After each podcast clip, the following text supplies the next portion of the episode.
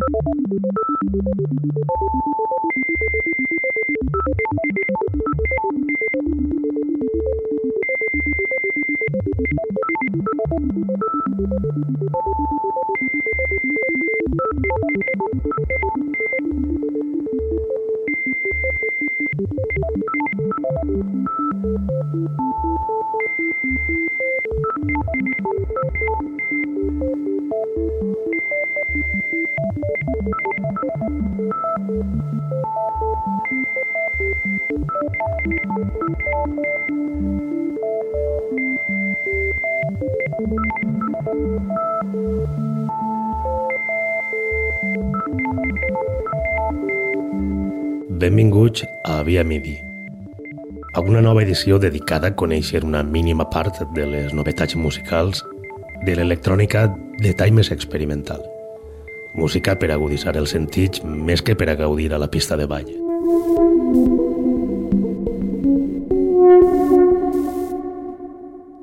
Comencem amb el productor alemany Stefan Polgoch, conegut artísticament com a Heimbach, és un assidu als tons sinuidals, al soroll, als sintetitzadors modulars, als dispositius sonors de fa dos i tres dècades i al món de les ones electromagnètiques, com és el cas de les ones de ràdio. Podem dir que basa la seva producció amb l'experimentació amb màquines actuals i tot tipus de catxarreria antiga. Recentment, Heimbach ha publicat una discogràfica que sol tindre prou presència via MIDI més que res pel camí que està prenent. Una trajectòria curta, ja que el projecte és relativament nou, però prou constant en les publicacions. A més, res de convencionalismes i arriscant amb l'estil amb la majoria de referències. Parle de Soil Records, setxell que llança el passat 30 de novembre Did Earth, últim treball de Heimbach que va orientat cap a l'ambient. Here Comes the War Drones és la sexta i última pista d'esta referència que es va publicar amb el casset com a format.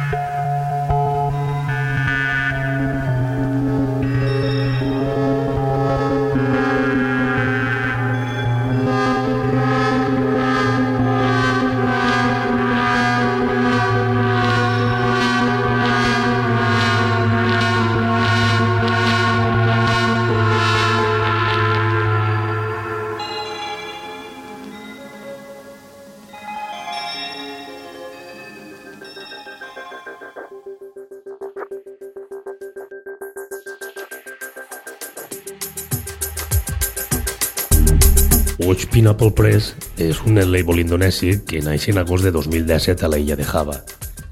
Actualment porta publicades 28 referències, però de tot el repertori més actual, un dels treballs que més sorprèn és l'anterior, la referència 27, que l'afirma el també indonesi Ragna Purnamaji, artista que resideix a Yogyakarta, seu de la discogràfica. Ranga Purnamaji està prou centrat amb el tema de la composició musical. Té dos projectes de duo experimental. Riulari amb el suís Leon Brahin i Kikel amb el també indonesi Trieni Clarentino. A més, és el vocalista principal de la seva banda de metal, Banskins, i també té el seu propi projecte experimental en solitari anomenat Stakhabat. Irlins es publica el passat 31 de desembre i el que més destaca és una gran influència de compositors minimalistes com Steve Reich.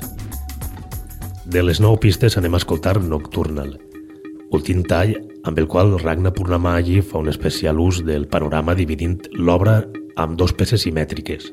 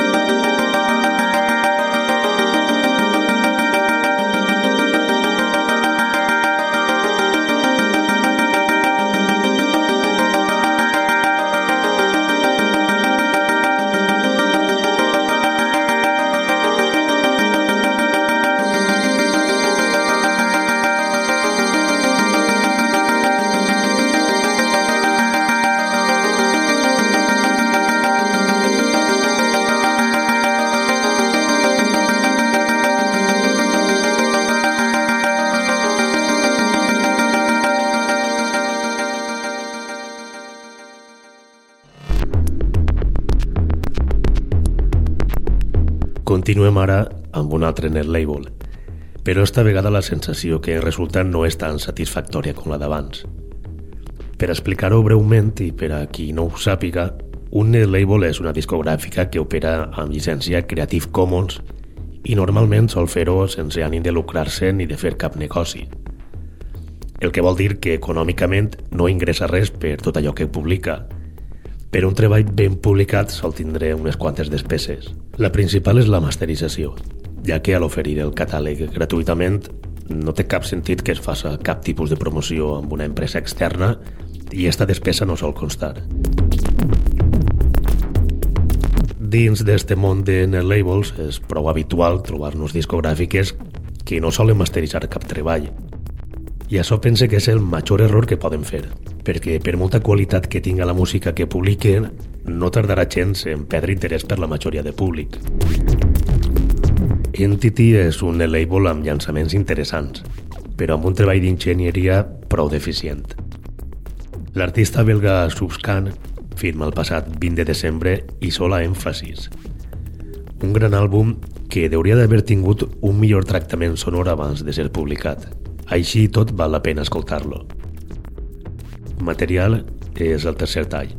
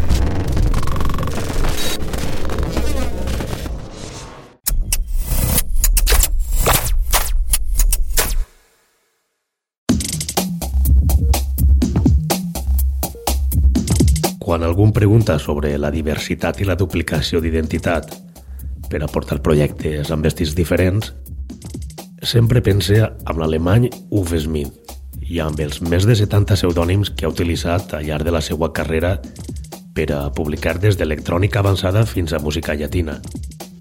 Uwe Smith és el senyor Coconut, l'Àcic Benhouse o Atom TM. Atom TM i totes les variants d'este nom és la faceta que adopta per a elaborar tecno i altres gèneres relacionats amb l'electrònica avançada. La majoria del que publica ho fa al seu setxell Atom TM Audio Archive.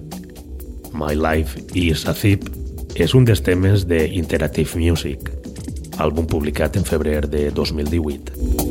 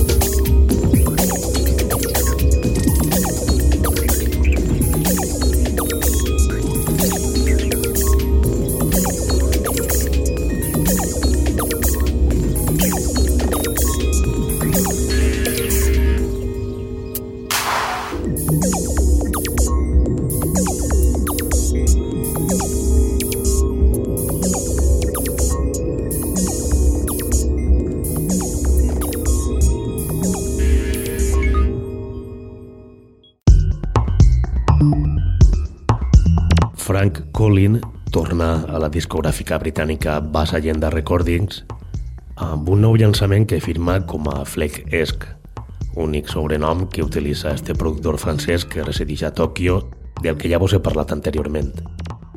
Però que cal recordar la gran tasca que exercís amb l'electro. House of the Python és este últim treball de Colin publicat el passat 4 de gener. Cinc pistes amb un so molt propi i reconeixible, ritmes gelats, atmosfèrics i un paisatge melòdic molt obert. Podem dir que encara que no es tracta d'un àlbum, cobreix molt de terreny sonor. Spreaking Mind és el tercer tall.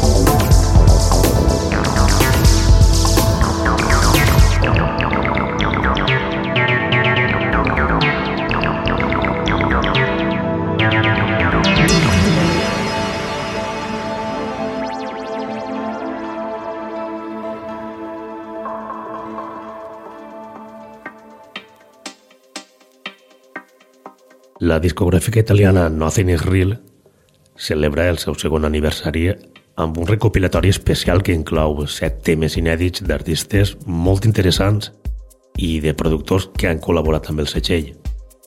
Alberto Jovine i Alessandro Fumagalli han cuidat personalment cada detall de la selecció, ja que 2018 fou un any important per al creixement artístic de la plataforma i això s'ha fet de notar guanyant reputació a l'escena internacional.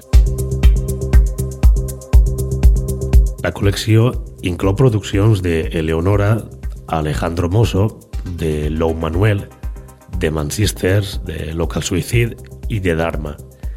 Però ens quedem amb el tema d'obertura, amb el de Alessandro Fumagalli, que és qui firma com a Modular Project i que a més elabora esta pista com a homenatge al seu setxell.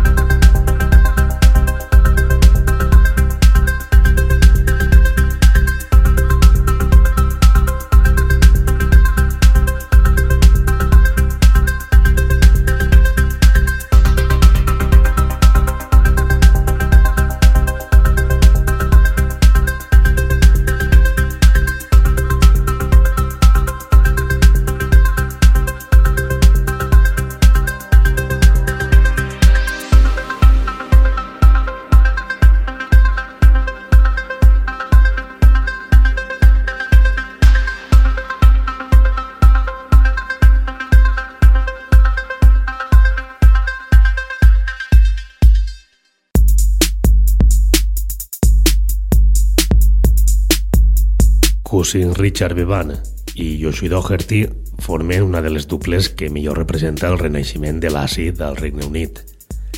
Dos dècades firmant magnífiques referències com a Post-Human, amb les quals han abastat diversos gèneres fins a arribar a centrar-se especialment amb un so entre rave i àcid. El duo londinenc publicà el passat 11 de desembre un nou llançament del setxell escocès Craig Knows, discogràfica amb poc més de 3 anys d'història, però amb un gran catàleg que inclou treballs d'artistes de la talla de Carfillow o DJ Overdose. The Snake Bites Twist és una referència que sona molt a vella escola. Recorda molt a tot el que publicava Trax Records a finals dels 80.